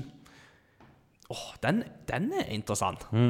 Eh, det kommer jo helt an på på en måte Altså, i bransjen er jo ganske bredt sånn sett, da. Og det er klart, nå har jeg jo ikke spilt Elden Ring, så det gir meg jo ikke muligheter til å uttale meg så mye om det. Uh, hvis, jeg skal hvis jeg får lov å tenke litt bredere og tenke seks år, uh, altså gå tilbake til Ta med ting som er gitt ut i 2017 Det er jo sånn fem, fem år, seks år tilbake. Det er litt, sånn, litt avhengig av når på året det ble gitt ut. Eh, men hvis jeg får lov å ta med 2017-året i dette her, så føler jeg jo at det er ganske mange spill som kom ut da, som var ganske, ganske sk- grensesprengende for bransjen. Og det inkluderer jo ting som Breath of the Wild. Det var jo intet mindre enn en open world-revolusjon, må vi jo si. Altså det faktum at folk nå karakteriserer litt Elden Ring som Dark Souls møter Breath of the Wild, det er jo et veldig positivt eh, økemen, altså, veldig positivt Eh, veldig positiv omtale for, um, for, Breath of the Wild sin arv, da. eh, vil jeg jo si. Så jeg tenker kanskje Breath of the Wild må være et av de som er mest grensesprengende på det området. Eh, jeg vil jo også si at Persona 5 føles som en sånn Om ikke Altså Grensesprengende er vel kanskje litt uh, vanskelig å si, men at det er veldig sjangerdefinerende. Det har på en måte satt en veldig ny standard for den japanske rollespillsjangeren. Eh, og at det setter et veldig sånn på en måte før og et etter. Og at alle spillere som kommer etter, må fort måtte måle seg opp imot den kvaliteten. Det tenker jeg at jeg vil stille Persona 5 på det nivået der. Um, eller så tenker jeg vel kanskje òg at uh, Returnal er også et spill som jeg har lyst til å slenge inn der, faktisk. Ja. Fordi Returnal oppleves som en helt ny og grensesprengende måte å tenke både um, rogelikes på, eller rogelight. Uh, nå blander jeg alltid de to uttrykkene. Men òg um, dette med som vi kaller for bullet hell. Altså når det bare liksom skytes masse kuler mot deg rundt omkring. For som regel så er jo det sånne ting man er vant med fra sånn ovenfra og ned eller todimensjonalt perspektiv. Men da får du det liksom i et fullt tredimensjonalt trippel A-perspektiv. Mm. Som med liksom helt Altså, og med lastetider som ikke ligner grisen, og en stemning som ikke ligner grisen. Og da ble det mye snakk om gris. Jeg må ha bacon! Nei da. Kan jeg bare få fortsette det? Fordi det spillet som jeg tenkte på sånn øyeblikkelig, det var gris. ja! gris eller gri, eller hvordan du uttaler det. ja, men gris. Det var sånn altfor perfekt overgang til at jeg kunne la den gå. For det Ja. føler jeg et ganske sånn grensesprengende spill. Mm. Eh, ikke nødvendigvis 2D-plattform, at det er sånn 2D, men eh, måten spillet ser ut på. Mm. Eh, altså det kunstneriske side, og ikke minst historien, måten historien fortelles på. Vi har hatt flere spill med Journey og eh, Limbo Inside som, hvor det ikke snakkes, hvor Mm. det er mye fritolkning. Eh, men det, Gri har også for seg et så ekstremt viktig tema. Mm. Og du, du den, Når du starter spillet og hører sangen som dør ut, så er det du- altså, Det beveger deg på en veldig spesiell måte. Mm. Så han tar for seg depresjon på en utrolig eh, sterk måte. Mm. Um, Og, og ikke minst det at alt det er ved, via nonverbal kommunikasjon, ja, det er det. er jo, er, er jo som du sier, det, det er en helt annen grensesprengende måte å fortelle historier på. Mm. Og det, det, altså, det er et spill hvor du, du, du sitter og er nesten litt sånn paff Mm. etterpå over hva du, den reisa som du akkurat hiver igjennom. Uh, og ja, hvordan farger brukes til å fortelle hvordan uh, stadier, hvordan humør, eller hvordan, hvordan hun føles innvendig. Eh, hvor alt er bare grått og trist i starten, og så rødt som er sinne, osv., osv. Mm. Eh, helt spesielt og eh, ja, en sterk opplevelse.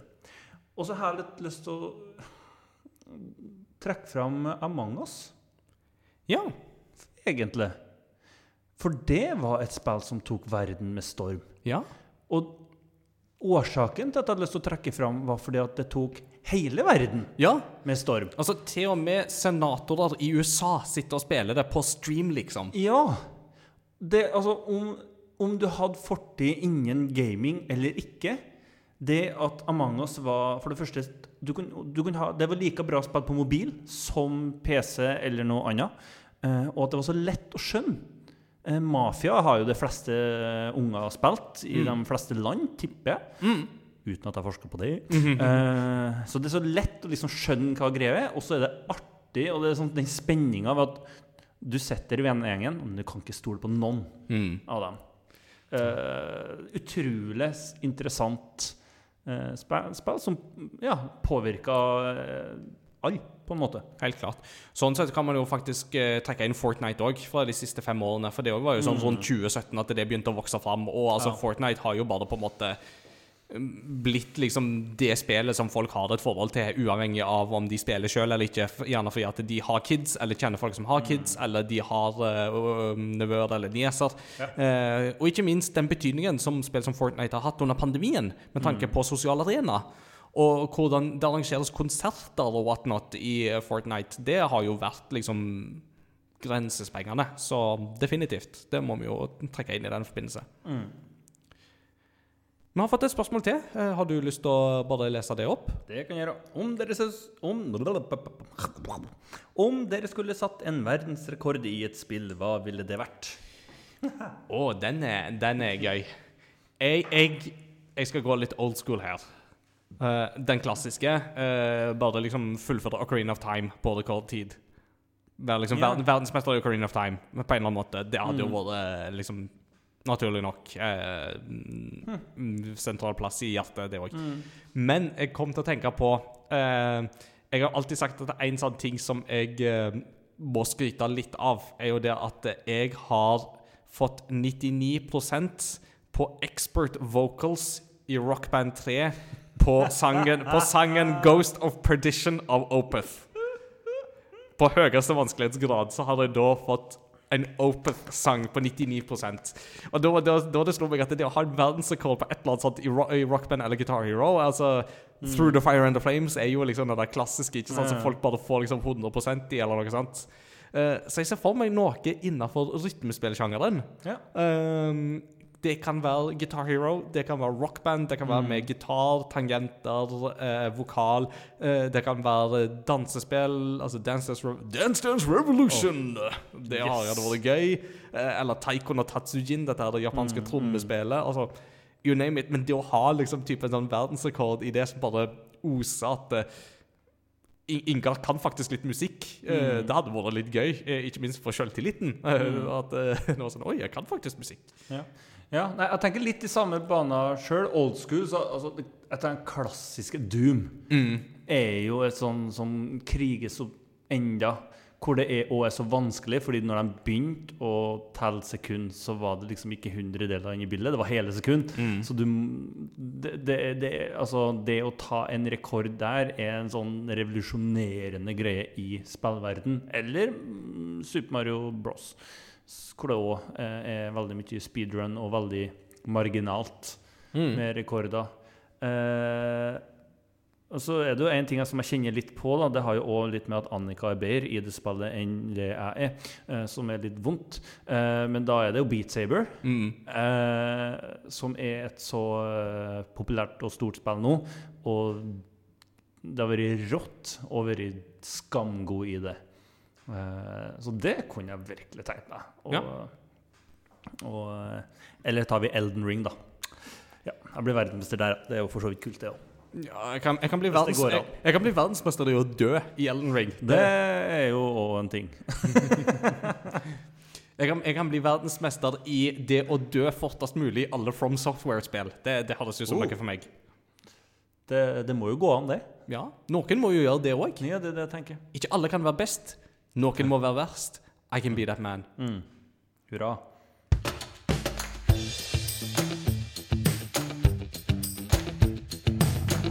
What you been playing lately? What you been playing lately? What you been playing lately? What you been playing lately? Yes. Eh, som sagt tidligere i episoden, det er jo ikke de ukene nå der det kommer ut mest nye spill. Men uh, det er egentlig litt deilig, for at da rekker vi å ta igjen litt gamle spill. Så det er jo litt sånn uh, spennende. Så Peter jeg ser at vi har ett spill som er felles på lista, i fall, så det er jo litt artig. Så hvor langt er du kommet i Horizon Forbidden West nå? Nå så He um, Hvordan i huleste skal jeg ta det spoilerfritt? Det um, Hvor langt vil du anslå at du er i spillet? Jeg har fått låst opp Sunwing-roboten, så at jeg kan fly på den. Ja. Spennende. Det, det, jeg tror den setningen kan gi en sånn cirka Ja. hvor, hvor jeg er hen i spillet, for dere som har spilt det, Ja, uten at det skal si altfor mye. Absolutt. Eh, Noen få ville kanskje ansett det som en spoiler, men det er sånn, nå har de sluppet ut den nyheten etter at spillet ble lansert, at du kan det. Så derfor så er ikke da, da, Ting som har vært i en trailer, det får være greit. Det, Ja. det, det godtar vi. Ja, så, så, så da, du, du er jo et godt stykke på vei da, må vi jo si. ja da, det, det rusler og går. Mm. Gjør det. har, men det er travelt. Så det er liksom Få spilt litt nå, og så får jeg spilt bitte litt da. Mm. Så det Men eh, jeg fikk Jo, jeg fikk, jo, jeg hadde fått meg ny TV i forrige episode, hadde ikke jeg? Ja, hadde du det? Ja, du hadde kanskje det. Ja. Jo. Men jo da, Ja. eh, du har fått en ny TV. Jeg har fått en ny TV! Yeah! Jo, jeg tror jeg hadde fått den i forrige episode. Og det er jo en helt ny opplevelse. Mm. Eh, det var jo, det var jo jeg, har, har, jeg har ikke tenkt at jeg trengte ny TV. Jeg visste at den ikke var veldig bra. Men når du ser film, så går det stort sett greit. Men når hver, hver eneste gang jeg bladde opp Forbidden West, så så jeg hva jeg gikk glipp av. Mm. Eh, det, at fargespekteret, detaljene, eh, skarphet Alt det der var liksom ikke top notch. Eh, og når du merker det, og når du ser det hver gang du skrur på spillet, så er det litt vondt. Eh, takke for hjelp fra discorden. Det var forferdelig vanskelig. Eh, ja, eh, hvordan TV skulle ta, om det ble OLED eller QLED. Eh, Jeg endte jo på QLED-en. Eh, det, og det var fordi at det ble 5000 ekstra for den OLED-en, eller å gå ned på størrelse. Mm. Uh, ja. Så det er kule den gangen her, og så får vi ta en ny runde neste gang vi skal kjøpe TV. Så det Nei, det, og det er Spillet er fantastisk. Mm. Det- Og ny TV det blir vel om noen uker, det, når du har smasha joyconen inn i TV-en fordi du spiller Switch Sports. Ja, jeg tenkte det er en ny TV, en sånn fin juniaktivitet. Ja. Sommer og Mm. sånt.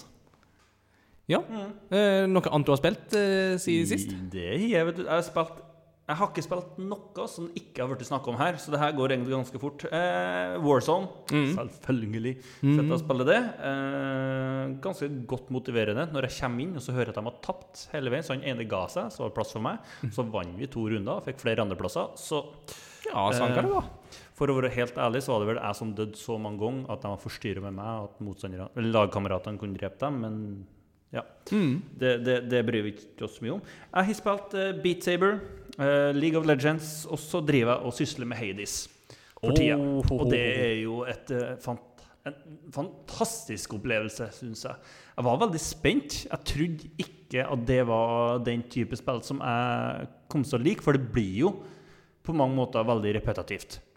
På Eh, én måte. ja, på en måte så er det repetitivt, samtidig som du merker alltid progresjon. Mm. Uh, for du, du, du prøver, så dør du. Så prøver du, så dør du, så prøver du, så dør du. Men så får du alltid låst opp litt bedre utstyr, litt bedre av det ene og det andre, som gjør deg kraftigere. Og så plutselig så Oi, her er det en boss. og så slår du inn bossen, og så er det en ny verden. Som fortsatt er i underverden. Mm. Eh, og jeg syns altså fargene er Og måten grafikken og animasjonene er, nydelig, spennende. Og god variasjon når det kommer til fiender. Mm. Eh, og jeg syns egentlig sk- stemmeskuespillerne har gjort en Oh, nydelig yes. jobb. Eh, for du spiller jo sønnen til Hades, Mm. Zagreus. som eh, Altså, han høres ut som en kid som har vokst opp i underverden og syns livet er kjipt og egentlig driter i alt. Han snakker alltid litt sånn lav toneleie. Og bare, jeg syns det, jeg synes det liksom, de, har- de har truffet så godt. Ja. Eh, og faren Heidi som har null trua på at det her er et prosjekt sønnen skal få til. Eh, Som jo òg er mesterlig brakt til live av stemmen til Logan Cunningham, som jo er en sånn stay-in stemmeskuespiller for Supergiant Games sine spill. Han har Ja. alltid vært med, og hver gang han åpner munnen, så er det bare sånn der «Åh, talk, talk more to me. Ja. Nei, jeg synes, det, det er Det er fant, det, det er kjempebra. Syns alltid synd på Achilles, som eh, Ja. sitter der. Det, Stuck. Men han er jo en legende. Ish. Uh, ja. Nei, så det er Jeg syns det, er kn- synes det knallbra, og jeg koser meg veldig med det. At og da, vi spiller det på gjennom, Jeg spiller på arbeid. Og veldig artig, for jeg har i hvert fall en elev som var litt sånn i starten at det her er ikke for meg. Mm. Og så har ikke han klart å slutte. Nei. Så det, så det Men det er akkurat det med det- Hades. ja, det er kjempedigg, og det er artig å se hvordan en kan liksom utvikle den, den der. da. Og det er jo litt sånn artig, for Hades har jo det der FromSoft-elementet med liksom at du dør veldig veldig ofte, og du må prøve igjen veldig veldig ofte. Og allikevel så har det en gameplay-loop som bare gir deg en sånn der men det klarer ikke å slutte, og det er en ekstrem tilfredsstillelse når Ja. du faktisk får det til. Og så får du litt sånn Doom-vibes. Ja. Står du i ro, så dør du. Mm. Og det er jo veldig artig. Det, det, det syns jeg er kjempeunderholdende, og en artig del når det, når det kommer til gaming. Mm. At du må liksom holde på. og så er du ferdig med, ferdig med en, et rom, og så kan du sånn oh. OK, neste! Og så går du videre. nei, kjempe. Mm. Ja, det var det du hadde med. Jepp. Yeah. Um, jeg har spilt ferdig Horizon eh, nå. Jeg ble ferdig med Horizon Forbidden West nå på søndag. Uh, Deilig. Veldig deilig. Og det er en opplevelse som leverer, altså. Det er det spillet Altså La, la, la, la oss si det sånn, da. Uh, hvis jeg skal på en måte ta de to spillene ved siden av hverandre, så er det fortsatt sånn at det første Horizon overraska og sjokkerte meg mer når det gjaldt på en måte en del av liksom tvistene i, i historien, og da særlig med liksom det som ligger på en måte til grunn for verdenen, altså hvordan verdenen er blitt sånn som den er blitt. Ja. Eh, altså Den historien der Jeg synes jo fortsatt det er noe av det beste jeg har fått av science fiction de siste årene, uavhengig av medium. Eh, du klarer ikke å få helt det overraskelsesmomentet i Forbidden West, men du er ikke veldig langt ifra, Det, faktisk. det er et par der Det er et par som der som- er utrolig sterk. Ja, og, og det er det er så bra fortalt eh, historie i det spillet. Det er så gode rollefigurer. Jeg elsker verdenen, hvordan den bygges på videre. Og det er mesterlig stemmeskuespill. Grafikken slutter aldri å imponere. Eh, jeg syns jo sidequestene er blitt så mye bedre. Eh, de føles så organiske. Altså I måten de blir fortalt på, og måten man løser de på. Og, og hvordan dialoger med NPC-er er mye mer levende og naturlige denne gangen her. Mm. Uh, og, og kampsystemet òg er bare sånn jeg, jeg koser meg liksom med det spillet. Og det er jo sånn at jeg blir jo sidetracked hele tida når jeg spiller det spillet, for det er så mye annet gøy å finne og Ja, ja. whatnot å gjøre. Så det, nei, jeg er kjempeimponert over det spillet. Det er en Mm. bragd på alle måter. Hva, hva syns du om det brettspillet? Du, Det er det eneste jeg ikke har sånn veldig sterkt forhold til. Fordi at eh, det er så, altså, akkurat her altså, Akkurat som det var i The Witcher 3 med Ja. Gwent, så er det bare sånn Jeg klarer ikke å engasjere meg for de der spillene der. Sånn, Mm. Iallfall ikke umiddelbart. Og det er sånn Alle sånne minispill må fange meg øyeblikkelig hvis Ja. jeg skal komme inn i de. Hvis ikke så gidder jeg ikke å bruke tida på de. Mm. Um, så jeg vet ikke helt hva det, hva det er, altså, men jeg skal nok eh, ta meg tida til det, for jeg må jo få meg platinum-trofé på et eller annet tidspunkt. Ja, ja. Det, det har jeg lyst til. Ja, for jeg har jo um, Jeg likte Gwent. Ja. Men, det, men det, har, det er liksom jeg, jeg gjør dem fordi jeg må. Og jeg syns på en måte det er, de er litt artig. Men Gwent eh, traff meg fortsatt mye mer. Det gjorde det. Og, og, men, også, men at du etter hvert får veldig sånn stort spillerom til hvilken taktikk du vil bruke, basert på hvilke figurer du eh, har på brettet. Og så er det litt vanskelig alltid å vite hva figurene gjør. Mm. Det, før du liksom har dem der. Men ja. Men eh, Nei, jeg var bare nysgjerrig. Ja, nei, men jeg kjenner den, altså. jeg, jeg, jeg vet at du ikke var fan av Gwent, så da må, da må jeg spørre. Ja, og du ser parallellene her. så, Ja, ja. Absolutt. Nei, men så bra. Så bra. Um, og så har jeg, um, av alle ting, så jeg plukka opp igjen eh, Forza Horizon 5. Eh, jeg fikk litt sånn uh, trang til å kjøre litt bil igjen. Og kjøre, altså bare ha liksom noe der jeg bare satt og bare liksom tråkka bånn gass. Um, og så var det på en måte fortsatt en del ting jeg ikke har gjort i Forza Horizon 5. Så da gikk jeg for det istedenfor Gran Turismo 7 akkurat nå. Så skal jeg heller på en måte ta Gran Turismo 7 når jeg føler meg ferdig med Forza, Forza 5. Eh, og jeg syns jo det er gøy. Altså, det er, altså, det, det er jo en fartsfølelse uten like. Og når du skal bare ha sånn åpen bananas arcade racing, eh, så, så, så føler jeg jo absolutt at Forza Horizon 5 leverer varene. Ja. Det eneste er jo at det, det, er så party-party-stemning hele veien. Det er sånn Hey, we're gonna do this, we're gonna do this, it's so much fun! Let's put up a party in the jungle! Whoa, it's so... Og det er sånn Jeg blir sliten. Altså, det er introverten i meg blir så sliten av Forza Horizon 5 at det er voldsomt. Men, men det er gøy, da. Og det, Ja. som sagt, den fartsfølelsen er ganske kul. Og jeg hadde eh, fått tak i Warthog fra Halo. Så, så da kan jeg kjøre rundt i en Warthog. Og det er god stemning. Åh, den skrenser jo som bare juling, men Ja, ja, det er god stemning. Ja, den er fortsatt like elendig å kjøre. Den er det. Ja. Ja, ja, men det er, det er viktig. Det.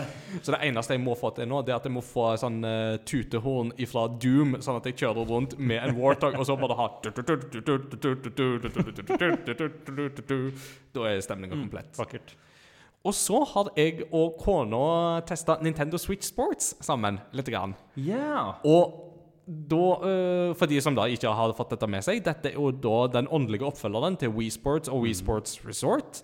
Så konseptet er akkurat det samme. Du bruker bevegelseskontroller til eh, forskjellige typer idretter.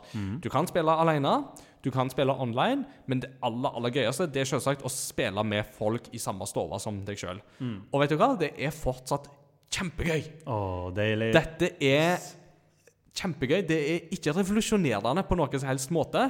Det er veldig sånn, Du får akkurat det du forventer. Du får Wii Sports-følelsen i litt bedre grafikk. Men det du får, er til gjengjeld så gøy, og kontrollsystemet sitter som støpt. Og party, For det er viktig. For det er kjempeviktig. Og partystemninga, den er der med en gang. Altså, Bare før vi tok opp episoden nå, så hadde jeg og kona Vi hadde en runde med badminton i det spillet. Og vi hadde en runde der, der vi det var ingen av oss som ville gi oss, men bare liksom spilte dem fram og tilbake. Fram og tilbake, fram og tilbake, fram og tilbake, Frem tilbake og, sånn og du bare hørte hvordan han Anja ble bare mer og mer gira, og til slutt så gjorde jeg en feil, og da smasha hun til, og hun ble så glad! Den, den følelsen der, den sitter som bestemt, altså. Så um, det er jo seks idretter som er der nå. Det er, um, det er Nå må jeg bare tenke meg om. Det er bowling. Det er tennis. Det er um, Badminton. badminton. Det nevnte jeg jo. Det er sverdfekting, eller chambara, som det heter. Ja. Og så er det volleyball. Ja, Veldig interessant. Og så er det fotball. Fotball. Eh, og fotballen har vi ikke drukket og testa ennå. Men eh, alle de andre har vi testa, Mm. og vi må si at dette er veldig gøy. Mm. Sverdfektinga blir nok kanskje litt oppbrukt litt fort. Ja. Uh, badminton skulle man tro er veldig likt som tennis, men det er faktisk noen forskjeller her. altså. Ja, ja. Bowling er jo alltid gøy. Uh, det kos. slår jo alle feil. Ja. Um, og um, hva er det da jeg ikke har uh, snakka om? Fotball? Ja, fotballen, for den har det er ikke testa. Ja. eh, volleyball. Volleyball, ja. Det var gøy, altså. Litt eh, tricky, men det er det der med at du må jo serve, så du må liksom ha begerslag, og du må Ja. smash, og du må blokke, og uh, det, det- det er litt sånn krevende, men det er absolutt gøy, det, altså. Ja. Og så er det jo litt synd at golf ikke er med nå fra starten, men det kommer jo etter hvert, da, og det blir jo Ja. artig. Den må med. Mm. Det som er spennende, er jo det at du skal jo kunne bruke det, en sånn leg strap uh, når du spiller fotball. Det Ja. har vi ikke testa ennå. Eh, så um, det kan jeg kanskje snakke mer om neste gang. Men uh, så langt iallfall så er dette uten tvil en suksess. Så hvis du har noen å spille sammen med i samme rom, enten det er en venn, en nabo eller en bedre halvdel eller kids eller hva det nå enn er, så er dette her defin... Altså, fortsatt så er det ingen som klarer den partystemninga der så bra som det Nintendo gjør når de er på sitt beste. Og dette her, det er et eh, eksempel på det. De har jo alltid vært legendarisk på det området. Ja, det er jo Egentlig. det. det, er jo det. Og dette er igjen et sånt spill som du kan få alle til å spille, tror jeg. På samme måte som du fikk med Wii Sports. Ja. Det, det har den samme gimmicken med at det er bevegelser det gjelder her. Mm, mm. Så ja, det tror jeg skal gå veldig, veldig fint. Og så har jeg eh, spilt og anmeldt noe for eh, Game Reactor som heter Trek to Yomi. Eh, okay. og det er da et um, samurai-actionspill i svart-hvitt. Som eh, umiddelbart kan gi deg litt assosiasjoner til um, Kurosawa-mode i Ghost of Tsushima. Det er liksom litt av Ja. samme ulla, for du merker veldig tydelig at det her er det Akira Kurosawa sine samurai-filmer som ligger til grunn som inspirasjonskilde. Eh, dette er jo derimot ikke laga av et stort studio på samme måte som det er Ghost of Tsushima var. Dette er jo et eh, mindre studio som heter Flying Wild Hog, som har laga, eh, og som gis ut av Devolver Digital. Eh, og storyen er enkel, enkel og grei, at du følger en samurai uh, i en tid der landsbyer rundt omkring begynner å bli angrepet, og han som da på en måte ledende samurai i byen, må på en måte gjøre sitt for å verne sine. Eh, det som er interessant her, er jo at jeg skal jo ikke spoile mange ting og sånt, men altså, Yomi er jo det japanske det japanske Hades, kan du si. Altså den Ja. japanske underverdenen. Eh, og i skapelsesmyten som du finner i det japanske skriftet Kojiki, så spiller Yomi en ganske stor rolle allerede da. For da har du eh, guden Izanami som dør og havner i Yomi, og hennes mann og bror uh, Ja, de var litt sånn i uh, japansk mytologi òg, det var ikke bare i gresk mytologi at de holdt på sånn. Mm -hmm. uh, men Izanagi, som da er mann og bror til Izanami, drar da ned til Yomi for å hente henne ut igjen. Yeah. Men når de da er på vei ut, så snur han seg og ser henne. Og når han da ser hvordan hun er blitt forråtna, og hvordan meitemarker og annet kryp kryper ut av henne, og alt mulig sånn, så, så beiner han. Altså, da flykter han i frykt, og hun setter etter, og han eh, klarer å komme seg ut og forsegle dødsriket. Og Ida Nami blir da i dette her rasende og sier at eh, for hver dag hun er stengt der inne, så skal hun dra 1000 sjeler ned til Yomi. Men Ida Nagi han svarer da med å si at eh, han skal bringe 1500 sjeler til live.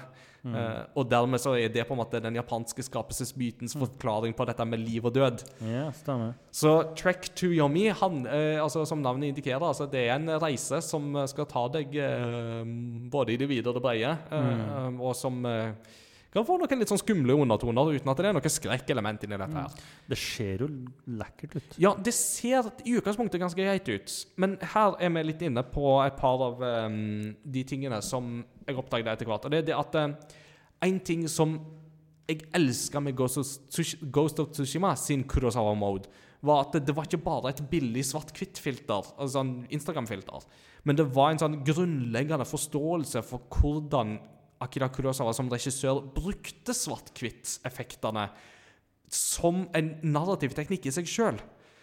Og hvordan han på en måte kunne formidle stemnings... eh, altså underliggende sinnsstemninger og på en måte naturens vrede, nærmest, i på en måte hvordan han brukte svart-hvitt på en veldig dynamisk måte. Det fikk de veldig fram i Ghost of Tsushima, men det får de ikke fram her i Track to Yomi.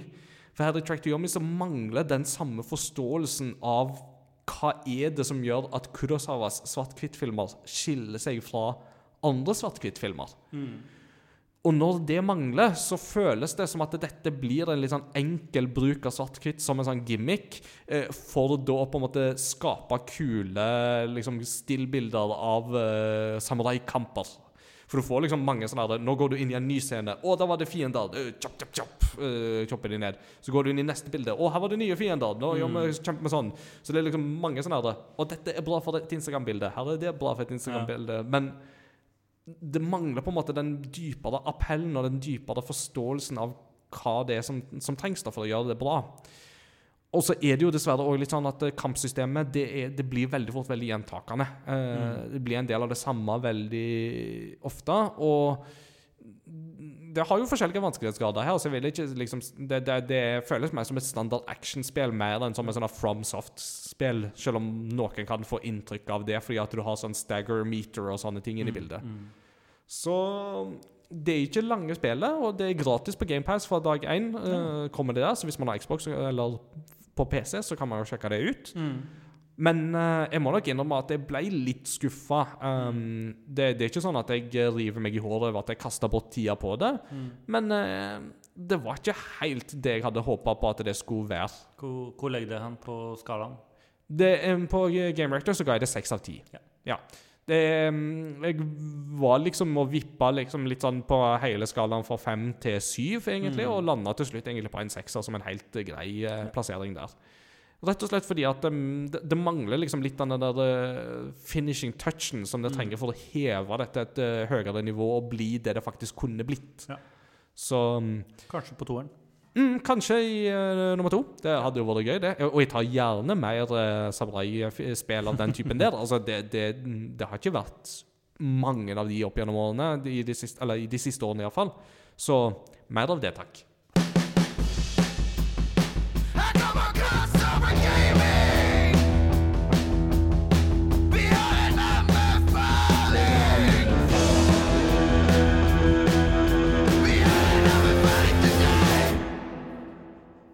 Da, mm. en anbefaling vil jeg veldig gjerne ha.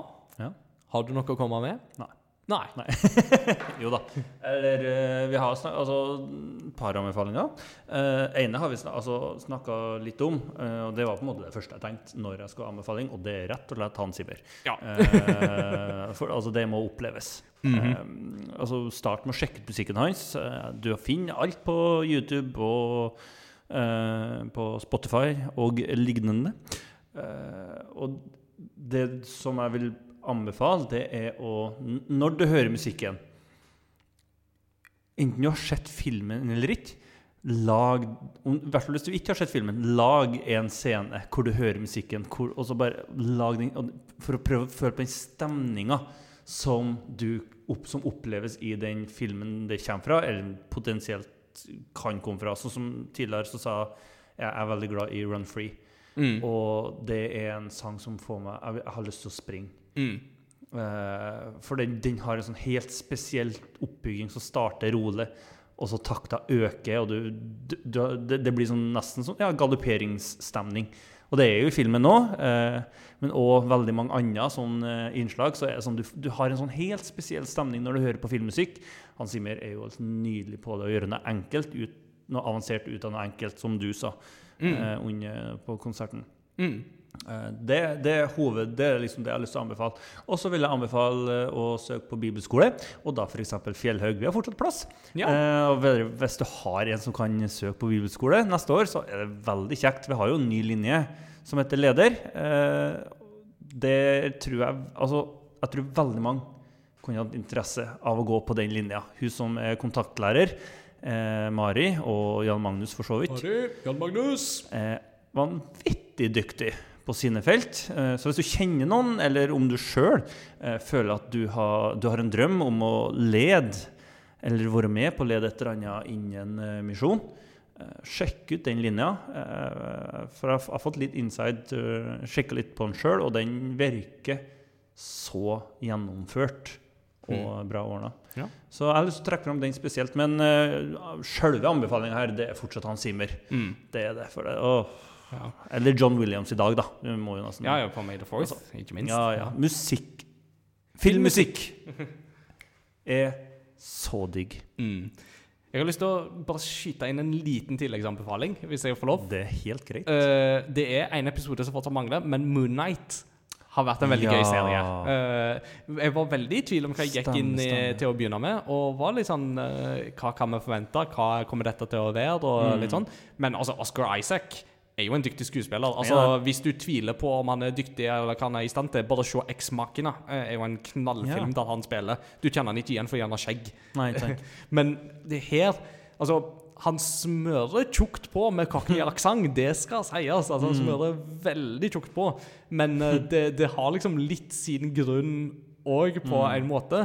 Eh, og jeg må si at den måten han klarer å være to vidt forskjellige personer på, sånn som han er, det er Det er imponerende. veldig artig. altså. Det er kjempeoverbevisende. Og så Jeg sitter og flirer ganske mange ganger av den serien der. Så Jeg henger litt etter der. Jeg har bare sett tre episoder, så det er liksom å åh, det var to veldig gode episoder foran deg. For dette er en hebreke pachinko-kontroller til Super Nintendo. It's curiosity. What are you gonna show to me? It's curiosity. What a neat thing to know. It's curiosity. What are you gonna show to me? Haven't even heard of it. What a neat thing to know. It's a great part of the show. Da er det min tur til å komme med noen kuriositeter. Og i forbindelse med påsken så kom jeg med noen easter eggs til um, Game Rector eh, i denne her eh, søndagens spillkuriositeter-spalten som jeg har begynt med der. Eh, og noen av de har vært nevnt her før, eller er jo litt eh, kjente for så vidt. Men eh, jeg har lyst til å ta fram en av de siden det er May the Fourth i dag vi tar det opp. Og det er fra Star Wars The Force Unleashed. Eh, det var jo dette actionspillet som Lucas Arts ga ut i 2009, hvis jeg husker riktig. Eh, og, altså, hvis du er blant de som i likhet med meg har et litt anstrengt forhold til Jar Jar Binks, for å si det forsiktig, så tror jeg at dette her er et sånn easter egg som du vil kose deg litt med. Fordi det er en plass i Star Wars The Force Unleashed der du kan gå forbi en stakkar som har blitt fryst i carbonite. Altså, og det er ikke han solo, fordi at dette her det foregår jo lenge før uh, både A New Hope og The Empire Strikes Back. Men det er en gun-gun som er fryst i carbonite. Og sjansen for at det er Jar Jar Binks når du ser ansiktsuttrykket på den gun-gunnen, gun-gunnen, den er ganske stor. Så på et tidspunkt så kan du bare se at Georgia Jar er fleeced i carbonite i Star Wars The Force Unleashed. Det er jo en måte å behandle tidenes, tidenes verst eh, dårlig, kjipeste karakter, eller hva det Ja, ja, ja. Så det må, jeg må si det. det jeg likte den. Og så var det et annet easter egg som jeg også synes var veldig gøy. Da jeg drev research her uh, til den uh, kuriositetsspalten. Og det er et easter egg som du finner i Grand Theft Auto San Andreas. Um, for der kan du da jobbe ganske hardt for å komme deg til topps på en bru mellom San Fiero og Las Venturas. Eh, og liksom eneste grunn til at du altså eneste grunn til at du skulle gjøre det, er fordi at du vil liksom, Hva er på toppen? Det, mm. må jo være et easter egg eller et eller annet sånt der oppe. Når du kommer opp dit, så får du, blir du møtt av en enkel beskjed der det er noen som har skrevet på en vegg eh, eller på liksom, en stolpe eller et eller annet på toppen der There are no easter eggs up here. Go away. Den må jeg si var ganske herlig. Den er fin. Den er faktisk nydelig. Den er nydelig. Da går vi mot slutten, og i dag så er det jeg som har valgt eh, postludium. Og det passet veldig godt at du snakket om Hades, fordi jeg har lyst å ta fram et eh, postludium ifra det første spillet som Supergiant Games lagde, nemlig Bastion. Ok. Eh, med en del av de samme nøkkelfolka, inkludert da samme komponist Darren Korb, som jo var komponist på Bastion i sin tid. Og det vi skal høre, det er fra åpningsmenymusikken, som da heter In Case of Trouble. Ja. Eh, og det er toner som er veldig catchy og veldig stilige, som jeg håper og tror at publikum kan sette pris på. Kult. Yeah. All right. Eh, vi skulle gjerne sagt eh, takk til Arve enda en gang for at han stilte opp, men han er reist, så vi får bare si tusen takk. Og håpe at eh, det prosjektet der eh, lykkes, og det blir veldig spennende å følge Bible X videre. Ja. Takk til dere som hørte på. Takk til deg, Peter, for at du er med som vanlig. Det er jo hyggelig. bare alltid trivelig. Takk til deg, Ingar, som leder nok en gang. Å jo, bare hyggelig. Vi snakkes ved neste korsvei. Ha det Ha det bra.